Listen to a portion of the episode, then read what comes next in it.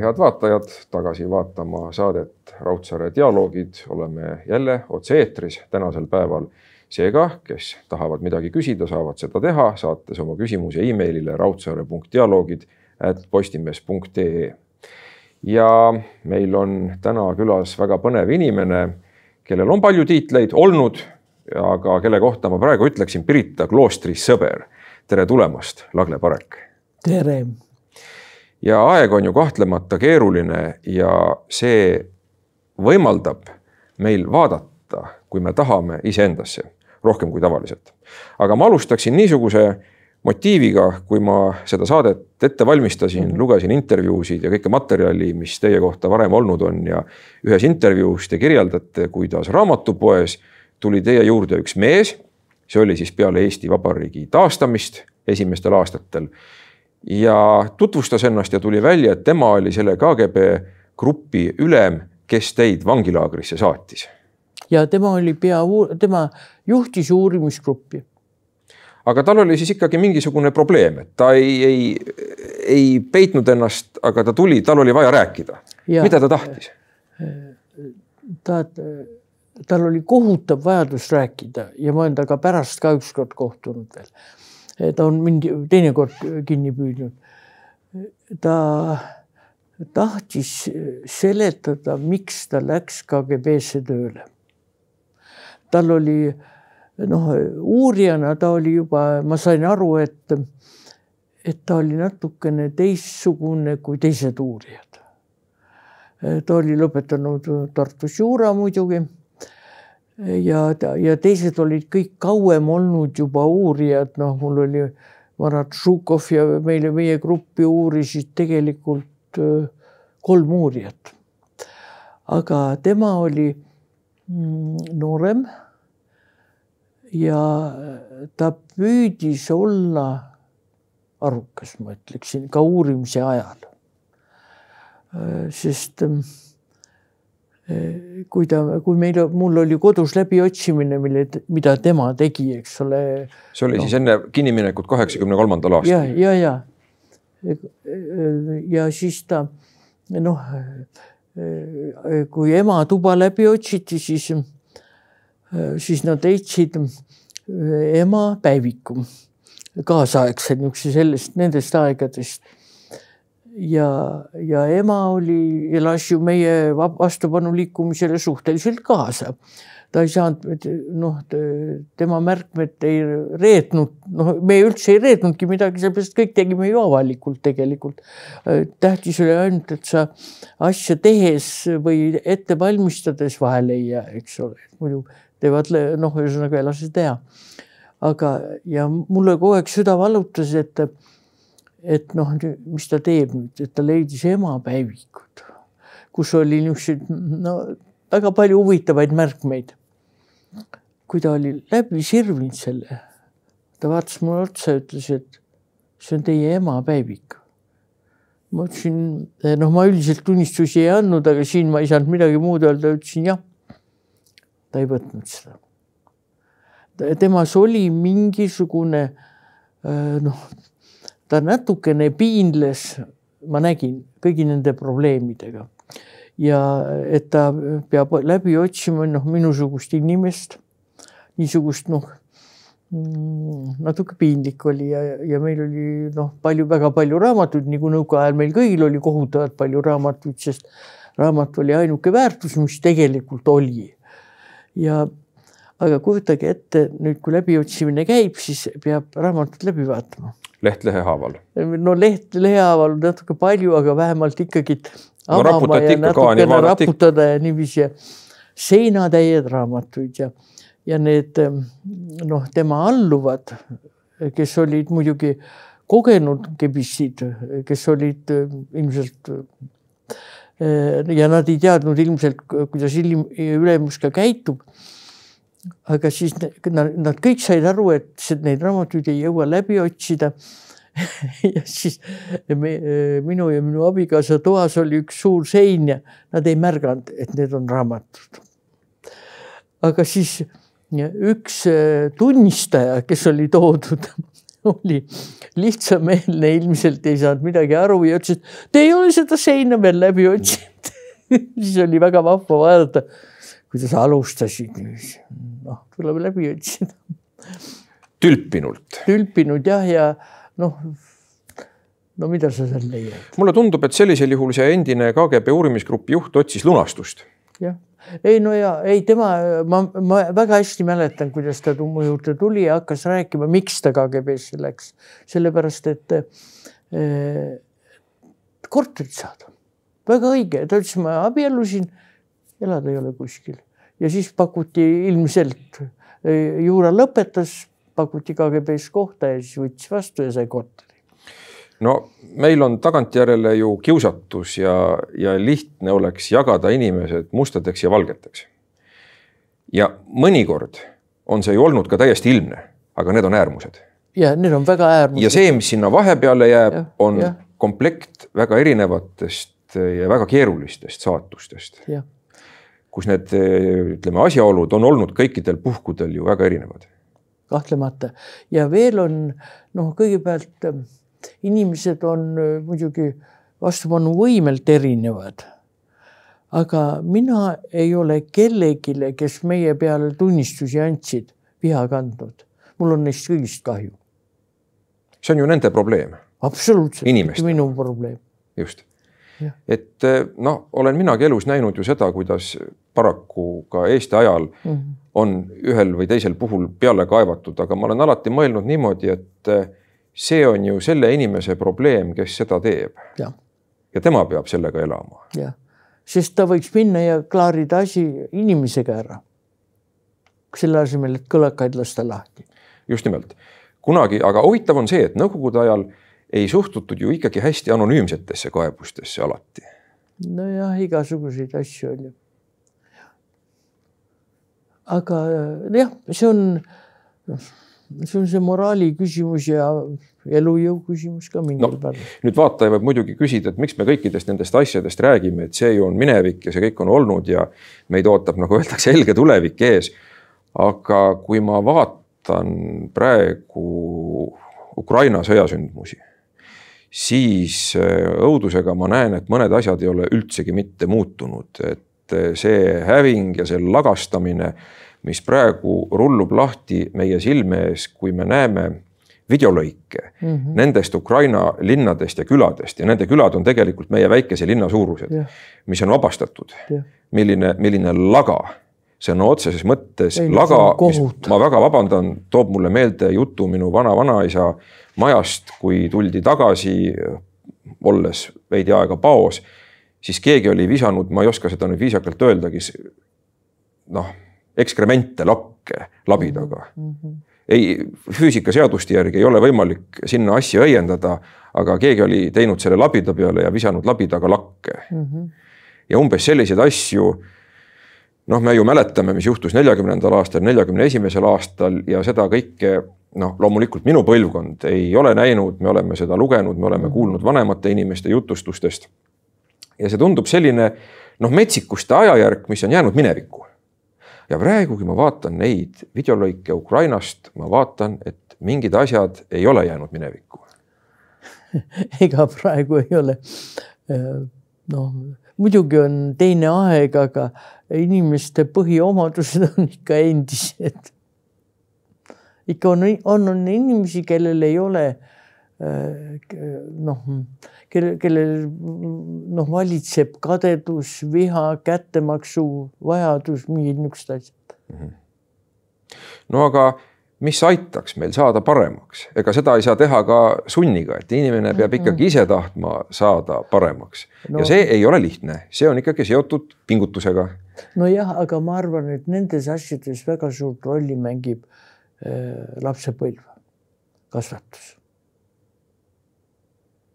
ja kas see mängis rolli selles, et teie elu kujunes selliseks huvitavaks, kui ma nii tohin öelda mm, -hmm. nagu ta mhm. kujunes? ja ei, ma olen väga rahul oma eluga. sest ju teid küüditati neljakümne üheksandal aastal lapsena. koos oma vanaema, ema ja õega, ja õega. ma tahtsin küsida, ma lugesin, et ema arreteeriti saadeti Siberis, mis siis juhtus, see oli nagu veel topeltkaristus, et kõigepealt küüditatakse ja siis inimestel pole ju õieti kusagil elada, ehitavad muld, muldonne ja siis arreteeritakse veel ka, mille pärast? ei, ema arreteeriti äh, kui endine Pärnu muuseumi direktor äh, ja arreteeriti ja siis kinni läksid ema ja raamatupidaja, neile määriti kaela, äh, noh, ma täpselt ei tea, aga mingid nagu nad oleksid varastanud muuseumi rahasid ja noh, see oli kindlasti kohutavalt loll kõik otsast lõpuni, aga noh, see oli viiekümnendate päris algus, ta ju kohe arreteeriti viiskümmend üks. siis oli see Stalini aeg kõige vastikum. ja Siberist, aga kujutage ette, kui raske oli minu emal, tal jäävad kaks tütart ja, ja ema jäävad Siberisse. eks jube seda on raske ette kujutada, aga olite te ennast juba suutnud natukenegi sisse seada sel hetkel? ei noh, mul oli tubli õde, kes on minust kümme aastat vanem, kes juba siis tegelikult pidas perekonda üleval, sest minu ema armas kunstiajaloolane ja kuna minu vanaema oli mm, näitleja meninguaegne, eks ole, kes kohutavalt tahtis, et lastel oleks kõrge hea haridus ja et nemad tegeleksid ja äh, vaimse tööga ja, ja noh, minu ema lõpetas e-, ülikoolis kunstiajaloo ja oli niisugune tõeline kunstiajaloolane, kes praktilisi asju üldse ei osanud. nii et Siberis oli meil just see probleem, et noh, emal oli väga raske. aga eh, noh, õnneks, kui meie, meid küüditati, tol momendil ema ei olnud kodus ja minu vanaema ja õde olid ja küüditajad olid ka huvitavad, sest need eh, mehed, kes olid kaasas nendel sõduritel mm, -hmm. need olid noh, kui me mõtleme neljakümne üheksanda aasta küüditamisele, sest see küüditata, küüditatute arv oli ju pöörane ja kõik tuli ju ära viia kuhugi ja need inimesed pidid ju neid viima ja need valikud olid noh noh, meil igatahes sattusid väga kenad mehed, kes need saatsid ja, ja kogu aeg äh, aitasid pakkida asju ja ütlesid, võtke aga rahulikult kaasa ja kui ma mäletan, kui mul vanaema ütles, et aga kui me ei jõua neid äh, kaasa tassida, ütles, no siis jätate maha, aga kas nad siia jäävad või kuskile mujale, olgu noh, meil oli õmblusmasin kaasas ja kõik oli kaasa pandud. ja võtsitegi masina kaasa? jaa, võtsime. sellest oli paljudel kasu, kuna see võimaldas ju väikeettevõtlusega teha, ei, no, teha asju. ütleme, see oli jah, niisugune, meil muidugi kasu ei olnud uh. -huh. aga ma arvan, et me müüsime maha, sest me alguses elasime oma varude müümisest. Siber oli tühi ja mitte midagi ei olnud ja kõike sai müüa ja me elasime sellest ja kui ema arreteeriti, siis no Eva oli juba töötas, nad mõlemad olid saeraami peal, veeretasid palki ette, aga ema ei jõudnudki seda teha. aga noh, tema läks vanglasse, aga, aga Eva kas varsti õppis ära mingisuguse lukksepa töö ja pidas meid üleval, kolme, kolme inimest toitis seal ja ema sai mm, Pärnu muuseumi direktorina ainult kaheksateist aastat range režiimiga mida ta ei pidanud ära istuma, kuna ei Stalin suri. aeg, kui ta sai täis. ma olen näinud arhiivipilte sellest, kuidas Ameerikas pakuti ja. tasuta Porsche päeval, kui ta, Stalin suri. ma ja. usun, et see teadmine, et Stalin on surnud, ei jõudnud Siberisse mitte kohe. ei, kindlasti mitte, aga noh, ma olin nii väike, mul ei ole nii paigas see asi kõik mm. -hmm. sest ma ei olnud ju veel kümnene. no ja, aga Eestis te tegelesite niisuguste huvitavate asjadega nagu eh, siin eh, maaehitusprojektis. näiteks õppisite Tallinna ehitustehnikumis. et mm, see on ikkagi huvitav, huvitav elukutse. aga teate, milles mul ei olnud. aga eh, vot tegelikult noh, seda ei ole ju üldiselt ei ole keegi väga palju rääkinud sellest. vaadake, kui kõik hakkasid Siberist tagasi tulema, me tulime kah nii, et Eh, ema sai esimesena lahti vanglast. no tuled ja eh, üldse kõik, et seda kõike mõista, kui, kui missugune aeg oli. kui ema sai kaheksateist aastat ja raamatupidaja sai kolmteist aastat ranget režiimi, pärast paluti, et kirjutage, kus te tahate istuda, missuguses. anti valida, millises vanglas istuda. ja ema kirjutas kaugpõhi ja raamatupidajal oli perekond Eestis ja kirjutas, et, et Harkus, noh, ainuke vangla, mis veel, nii. ema saadeti Harku ja see raamatupidaja saadeti Kasahstani. Nii et tulemus oli niisugune ja selle tõttu, et ema istus Harkus ja, ja nii kui see režiim, noh, nii kui see Stalin suri ja hakati lahti laskma, siis ema sai kohe lahti, ta sai jube varakult lahti. ja kohe oli Eestis. jah, ja oli Eestis ja sõida ainult, ainult Tallinnas ei tohtinud elada. ja ma alati mõtlen selle peale, sa tuled, sul on üks kott käes. sul ei ole mitte midagi ja sa pead hakkama elama no ja noh, ja Tallinnas ei tohi ka elada, kus meil oli sugulasi ja siis ta läks Türile, kus meil olid sugulased ja, aga Türile tuli terve hulk noh, neid, kes vanglast vabanesid. ja kui mina jõudsin aasta pärast ema vabanemist, kõik alaealised lapsed said vabaks, siis ema kohe noh, kutsus minu ära eh, sealt. neli last meid oli, kes me sealt Siberist, kus meie olime eh, küüditatud olid niisugused võimalused, et said kohe ära sõita, sest kõik olid ju mures, et me ei õpi eesti keelt mm. -hmm. Et see hariduse probleem ja üldse noh, Siberis õel mul ka kergem, kui üks inimene vähem on. ja kui ma, kui me seal siis Türil kogunes niisugune haritlaste punt, kes arutasid, noh, minul on see mälestus alati niisugune huvitav sellest ajast, et nad noh, kellelgi ei olnud raha, kellelgi ei olnud mitte midagi, eks ole, kõik alustasid nullist oma elu ülesehitamist. nii et ainuke võimalus aega veeta oli jalutada ja Türil on ümberringi metsad ja jalutati ja niiviisi me jalutasime ja siis arutati kõiki probleeme. ja minul on see alati meeles, et nad arutasid kõik eelmise Eesti, noh, Eesti Vabariigi probleeme, mis probleemid siis olid ja kuidas see haridus oli ja, ja niisugune ja minule jäi, tähendab, kujunes niisugune seisukoht välja et vastupanu liikumise kõige tähtsam, sest mul oli kogu aeg teadmine, et selle riigiga mina ei lepi, et me peame siin hakkama vastupanu organiseerima lapsest saadik. ja, siis eh, noh, seal kogu aeg arutati neid hariduse probleeme, mis praegu kannatavad ja mis ei ole noh, see haridus ei ole see enam, mis oli Eesti Vabariigis ja. ja siis, kui mina lõpetasin tehnikumi siis tehnikumis oli meil päris palju huvitavaid inimesi ja me kohe lõime organisatsiooni, nõukogudevastase organisatsiooni. ja ma nii mäletan, esimene kord, kui me kokku tulime, meid oli just kakskümmend, kolmkümmend poissi-tüdrukut, enamasti ehitustehnikumis, aga ka sõpru.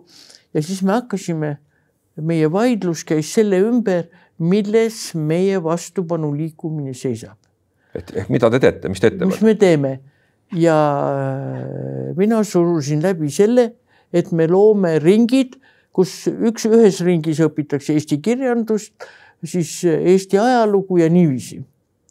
et põhiline jõud peab olema meie haritus, aga et mitte me ei käi kuskil kedagi püssiga laskmas et see on ju täiesti mõttetu, siis me pikalt selle üle vaidlesime ja siis me saavutasime ka kokkuleppe, et et see oli kevadel, kui me kogunesime, et sügiseks me hakkame ringe tegema ja ma arvasin, et tema kaudu ma saan õpetajaid väga häid, kes hakkavad õpetama ja ja, ja ta, nüüd ma ütleme, üks kümme aastat tagasi järsku hakka, hakkasin mõtlema, et ja sügisel võeti kõik meie pundi poisid sõjaväkke.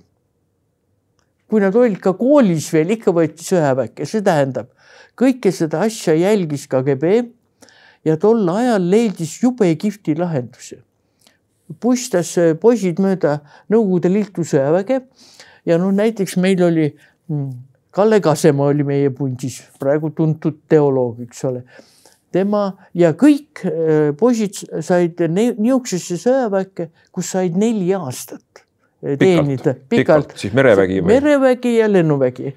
nii et Kalle oli mereväes äh, seal põhjas ja minu teine sõber Rein Harjukas oli Kasahstanis lennuväes ja nii olid nad kõik laiali puistatud. me ei kujutanud ette, ei oleks osanud ja siis ma ka ei osanud seda analüüsida. aga et meid jälitati lastena lausa. me olime niisugused kaheksateist.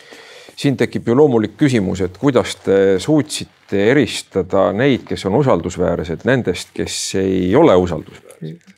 ma ei tea, kuidas sest noh, ega koputajaid ju oli tegelikult. ja muidugi. ütleme nii selle asja. ja, ja oli, oli. asja jälgiti, nagu praegu ka meie jutust välja tuli, et ja. asja jälgiti. ja ikka, ikka ja, ja koputajad olid, aga, aga no nii, see on niisugune hea näide tegelikult, selle analüüsini jõudsin mina väga hiljuti alles, et kui mõelda, et niisuguseid jõmpsikaid, kes noh, ka niiviisi jälitatakse, et asjale tehakse ja väga mõistlik lahendus sest kui nad sõjaväest tagasi tulid nelja aasta pärast, me olime ju kõik teised juba, kõik olid juba niisuguses naise ja mehele mineku eas ja siis tuli see aeg. nojah, aga Kasemaast sai ikkagi Kasemaa. Kasemast sai Kasemaa. ega siis see neli aastat teda ei, selles ei, mõttes ei, ei, ei muutu. sai muidugi ja, ja aga nii vahva on mõelda niisuguste asjade peale nojah, aga nüüd vastupanutegevus, me siin rääkisime just ja. saate algul, et ja situatsioonid olid inimestel erinevad. Mm, aga nüüd selline teadlik vastupanutegevus oli ju siiski teadlik otsus mm -hmm. ja oli väga palju neid, kes pidasid ja veel ka päris hiljaaegu, kui ma mäletan iseenda lapsepõlvest kaheksakümnendaid, kuidas inimesed kommenteerisid, kui oli see MRP AEG liikumine, millest ka kirjutati, Postimees kirjutas või toonane Edasi kirjutas sellest mm -hmm. päris palju. et ka inimesed kommenteerisid, et ai, et nad ikka keeravad natuke vindi üle, et see on nagu õige asi, aga natuke radikaalne. umbes selliseid, selliseid hinnanguid oli. nojah ja..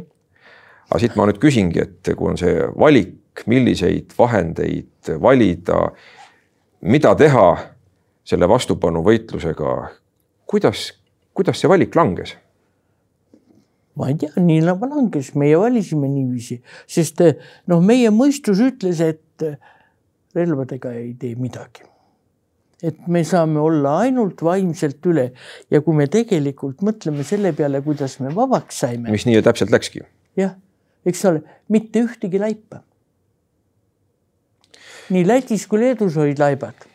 meil ei olnud ühtegi, sest meil kõik hakkas kuidagi kujunema äh, noh, nii et ei saanud nagu kallale tulla kinni panna. no üks osa muidugi oli, et välismaale lükati, noh, Tiit Madisson kohe välismaale, aga ta oli ennem juba sisse andnud, kui Irve Park toimus emigreerumisavalduse, ta arvas, et ta ei kannata enam elada siin ja tal olid juba välismaa dokumendid vormistatud, ta kohe peale. no Irve Park toimus kaheksakümne seitsmendal aastal, nii et küllaltki varrases faasis meie vabadusvõitluses. ja, ja mina kaheksakümmend seitse tulin vanglast välja. vot just nimelt, nii et äsja enne seda olite sealt Mordvast, vist siis Mordvast pääsenud välja, kus te olite ju neli aastat kokku ja. vangis. ei, ma olin kolm aastat. kolm aastat. kolm aastat seepärast, et eh, ma olin eeluurimisel peaaegu aasta. ja, ja neli oli... aastat oli, neli kuud olin pärast siin Tallinnas. ja kas see oli ka range režiimiga vangla? ja seletame lahti vaatajatele, mida see range režiim endast kujutas no vot, siin on meestel natuke teistmoodi kui naistel, sest Nõukogude Liidus oli selleks ajaks, kui mina kinni läksin, ainult üks naiste erirežiim, see range režiimiga laager, see oli Mordvas. ja noh, see, neid naisi oli, kui mina sinna jõudsin, mina olin kaheteistkümnes. no imevähe, eks ole. no niisugust laagrit ei saa ülal pidada valvurid on vaja, kõik see on kõik absurd ja meie laager asus Mordva vangilaagrite haigla territooriumil. nii et tohutu suur ala ja meil oli niisugune väike majakene, me olime seal kes-, mitte päris keskel ikka aia, aiale küllaltki lähedal, aga noh, nii et ikkagi kõik see valvamine käis, kogu territooriumi valvamine ja valvepuigad ja kõik niisugused asjad. nii et see oli niisugune väga humoorikas asi iseenesest ja meid oli niiviisi, et eh, üks Läti, eh, üks Lätist, kaks Leedust, üks Eestist ja siis enamus oli Ukraina, Ukrainast, venelasi, aga nende seas olid põhiliselt venelased. nii et niisugune omapärane koosseis, kohe oli näha, üks koputaja oli võetud, saadetud ühest Krimka laagrist võetud ja suunatud meile. mille järgi te ta ära tundsite? seal ei olnud vaja üldse, kõigepealt, kuidas Krimka laagrist saadetakse meile üks vang ja ütleme no,, siis olid poliitilised, poliitilistel põhjustel kinni pandud inimesed ei, enamuses, aga tema oli kriminaal. jah, tema oli kriminaal, meil olid kõik rangelt, kõik selle ühe paragrahvi järgi, mis on Nõukogude vastane agitatsioon ja propaganda. huvitav seltskond ju. ja huvitav seltskond ja, ja noh, üldse ei, see oli niisugune omamoodi arenguliselt väga huvitav iseenesest, kuidas noh, kõik nägid natuke teistmoodi asju ja meie Baltikum olime ju noh meie ei olnud keegi vabas eh, elanud. ei, Panilida oli, Panilida oli juba tol ajal nii vana, et tema oli jõudnud eh, Läti Vabariigis elada. natukene, aga lapsena ikka. aga noh, ikkagi kõigil olid noh, küllaltki erinevad eh, seisukohad, aga ikkagi üks oli selge, et Nõukogude kord on inimese vastane. ja siis see koputaja ta oli nii loll, et oli peaaegu eluaeg kinni istunud Krimka laagrites. et noh, ta oli lihtsalt niisugune lollakas. huvitav, mida talle pakuti, et ta sellega tegeles? ei, aga tal oli noh, meie laagris oli äh, lihtsalt äh, noh, väiksem laager, mõnusam. ma arvan ja võib-olla talle midagi maksti ka, ma ei tea, ma ei oska seda öelda. aga noh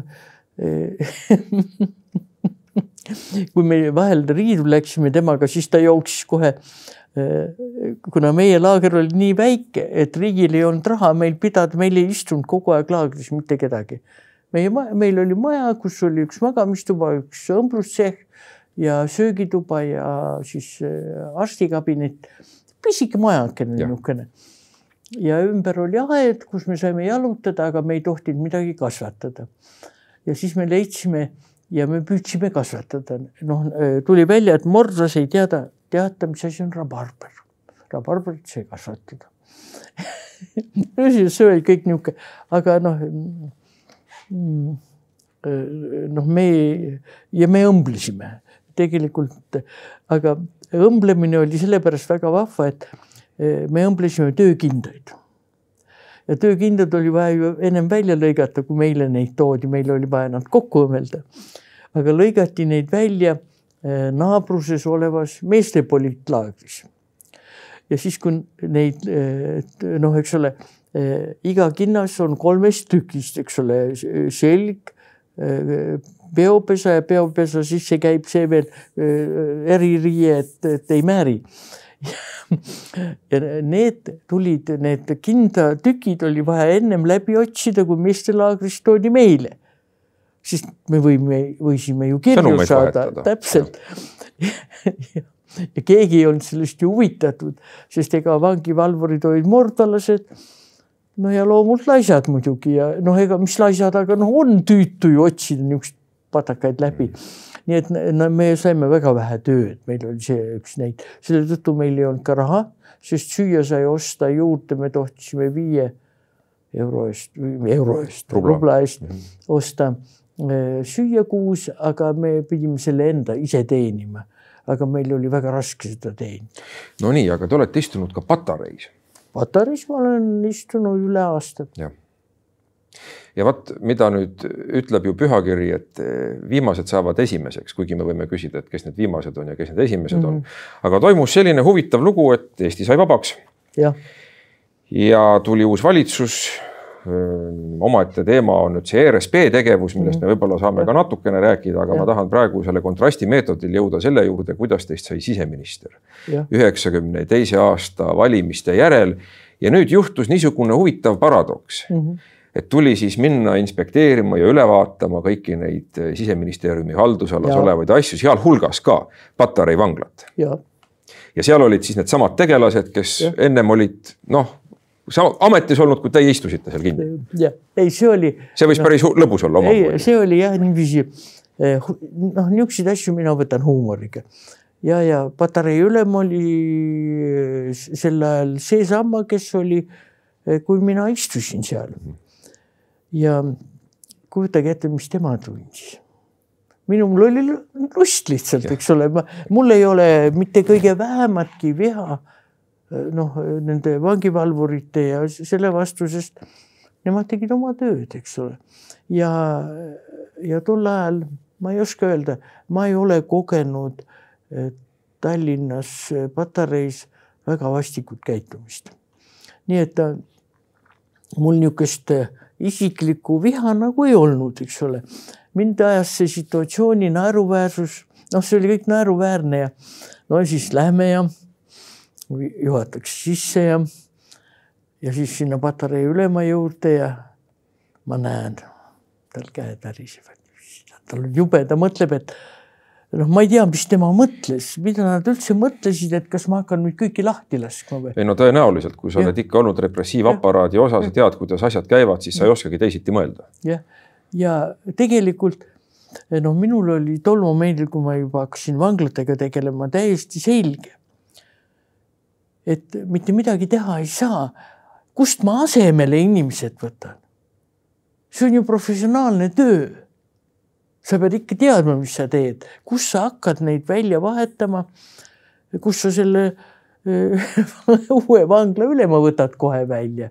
olgugi, et ma ei leidnud ka mingit põhjust, midagi erilist hullu ei olnud, vangla on vangla ja pätid on pätid ja, ja see on raske asi ja seda peab reformima hoopis pikemalt ja tõsisemalt ja peab ennem välja õpetama uue põlvkonna, kes oskab teistmoodi seda kõike teha.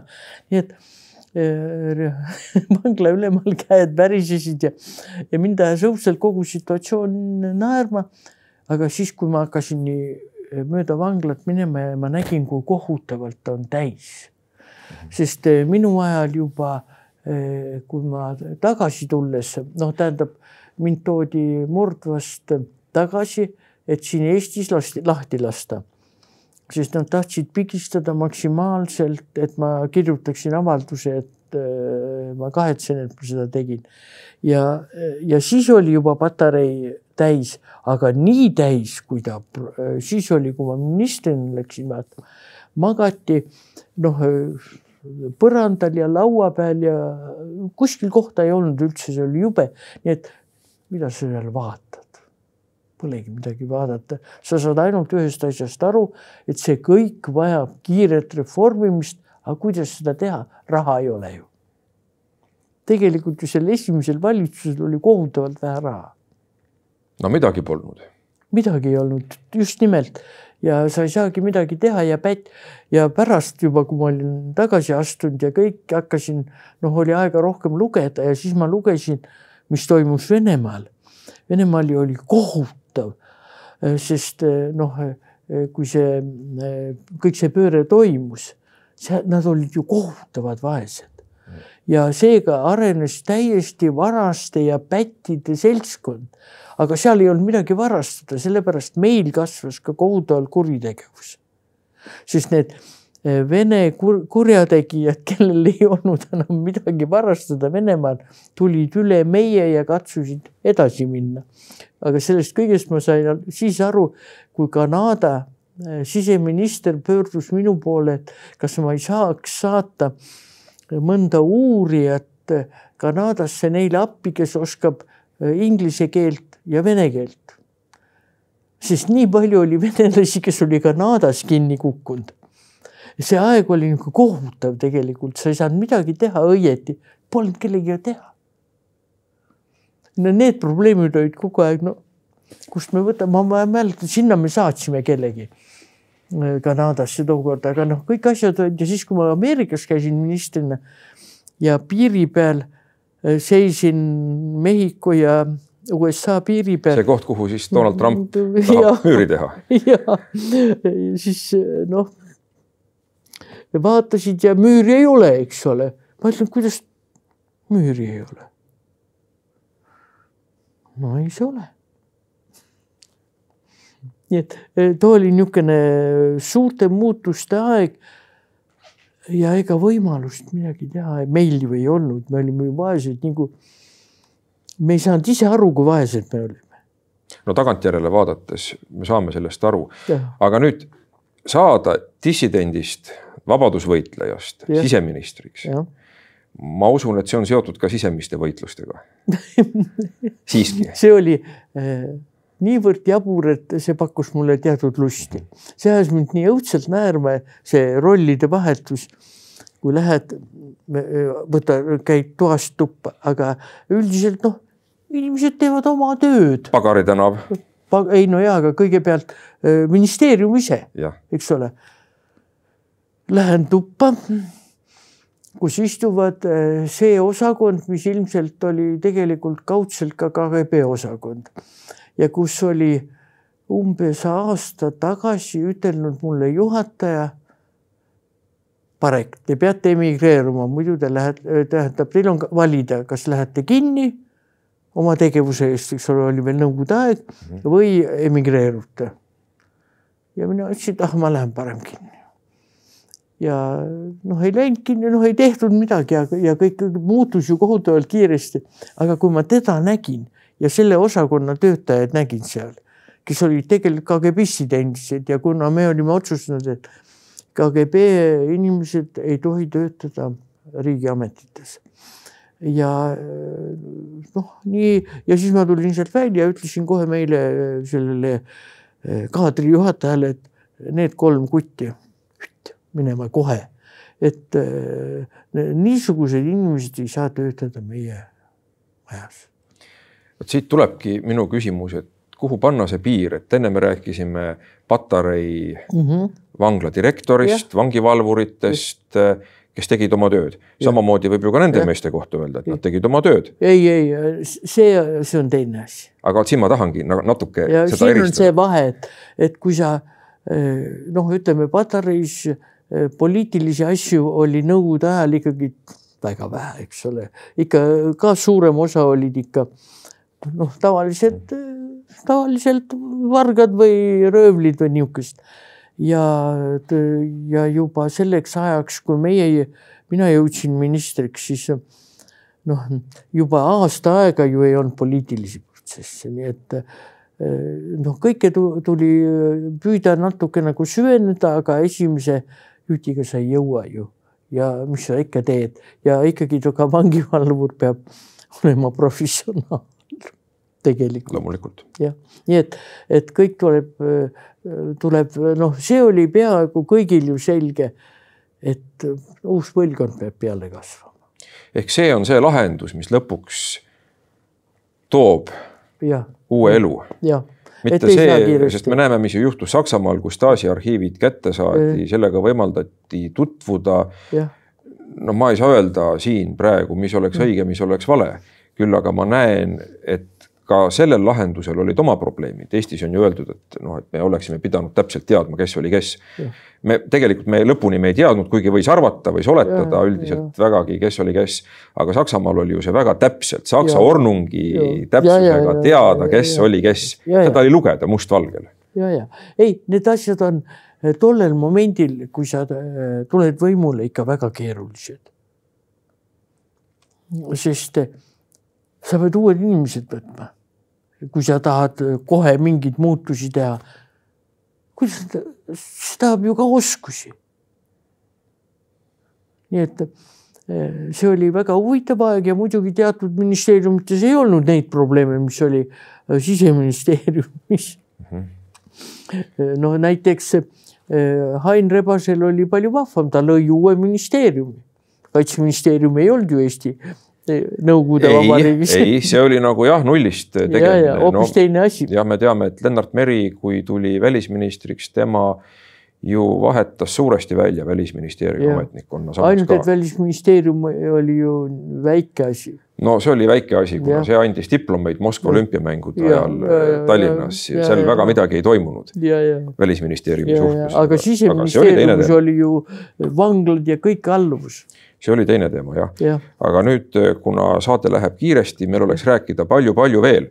tuleme korraks ka vaataja küsimuste juurde ja, ja üks vaataja küsimus puudutab muidugi ei ole üldse imestada Pirita kloostrit, et mida te täpselt seal Pirita kloostris teete?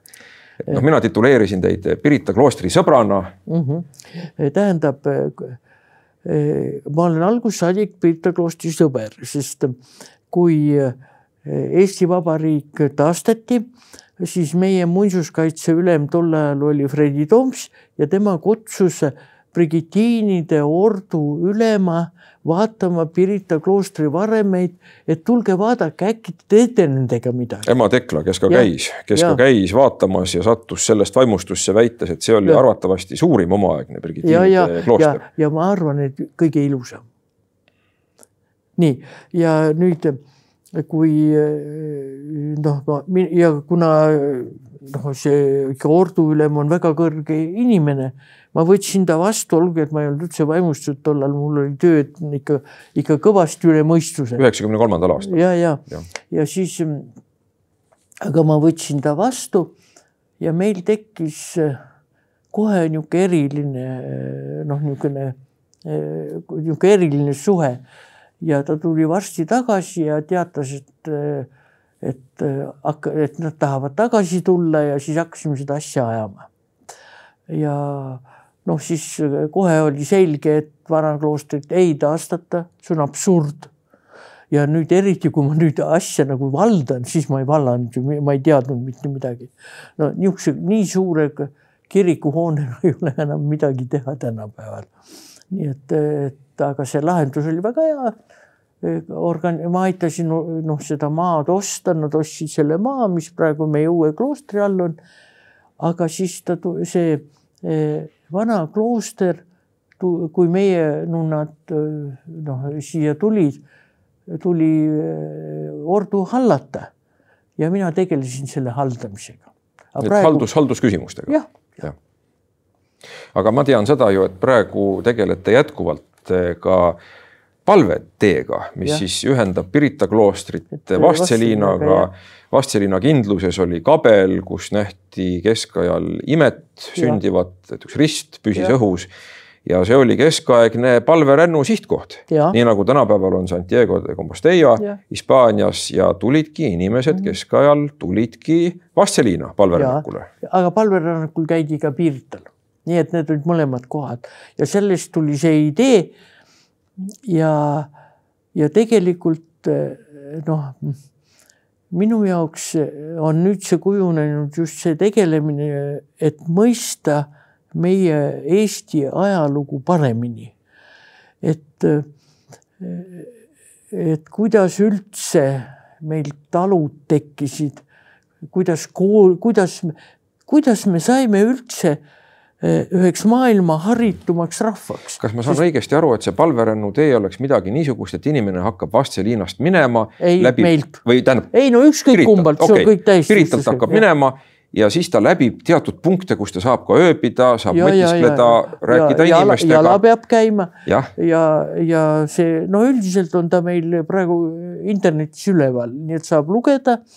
ja mõte on see, et, et siis noh, kõigepealt meie tegijad hirmus palju saame targemaks. -hmm. no minu jaoks ei olnud, ma ei tea, ma ei kujutanud ette seda et meie hariduses küllaltki suurt rolli mängivad mõisnikud. näiteks Maardu mõisnik rajas kuusteist kooli oma maale. see ei ole niisama, tähendab ikkagi selle palverännu tegemisega ma harin ennast ja meie sõpruskonda, kes sellega tegeleb ja kõiki neid, kes nüüd käivad seda et noh, ega meil ei ole, meil on päris häid uurimusi ja koduloo uurijaid väga palju, aga need raamatud tahavad kõik läbilugemist. et see, need teadmised, mis on koduloo uurijate raamatutes, et me paneme need kõik ka sinna palverännusse sisse ja sa mõistad rohkem Eestit mulle see väga meeldib, et inimene mõistab rohkem Eestit, aga loomulikult ka iseennast. mis on ju palverännaku üks mõtteid, et ja, inimene ja. saab vaadata iseendasse. ja praegu on veel noh, nii väga tore vaadata, ega meie, kuna meil ei ole ju palgalisi töötajaid üldse. noh, meil kõik ikka teevad seda vabatahtlikult ja siis noh, meil ei ole niisugust korralikku statistikat ega midagi, aga inimesed väga palju käib üksikult. tähendab, inimene vajab vahel üksindust ja meie noh, ma, ma püüan seda palverändu nii teha, et, et iga viieteist kilomeetri tagant vähemalt või isegi, isegi kümne kilomeetri tagant oleks ööbimisvõimalus. et ükskõik mis vanuses või mis tervisega võib seda käia ja mõelda ja ennast harida. Kindlasti julgeme soovitada, aga aeg läheb kiiresti, me peame saadet hakkama kokku võtma ja ma võtaksin selle kokku ühe sellise tsitaadiga, mille ma olen kirja pannud teie intervjuust ajalehele Põhjarannik aastast kaks tuhat üheksateist ja tsitaat on selline. kõikjalt kostub, nagu oleks suurim väärtus majanduslik heaolu. et kerge ja hea elu on suurim eesmärk. tegelikult peab elu olema sisukas ja huvitav ning õnnelikuks teeb, kui on olnud väga raske. aga sa tuled sellest välja. jah, ongi nii, ma arvangi.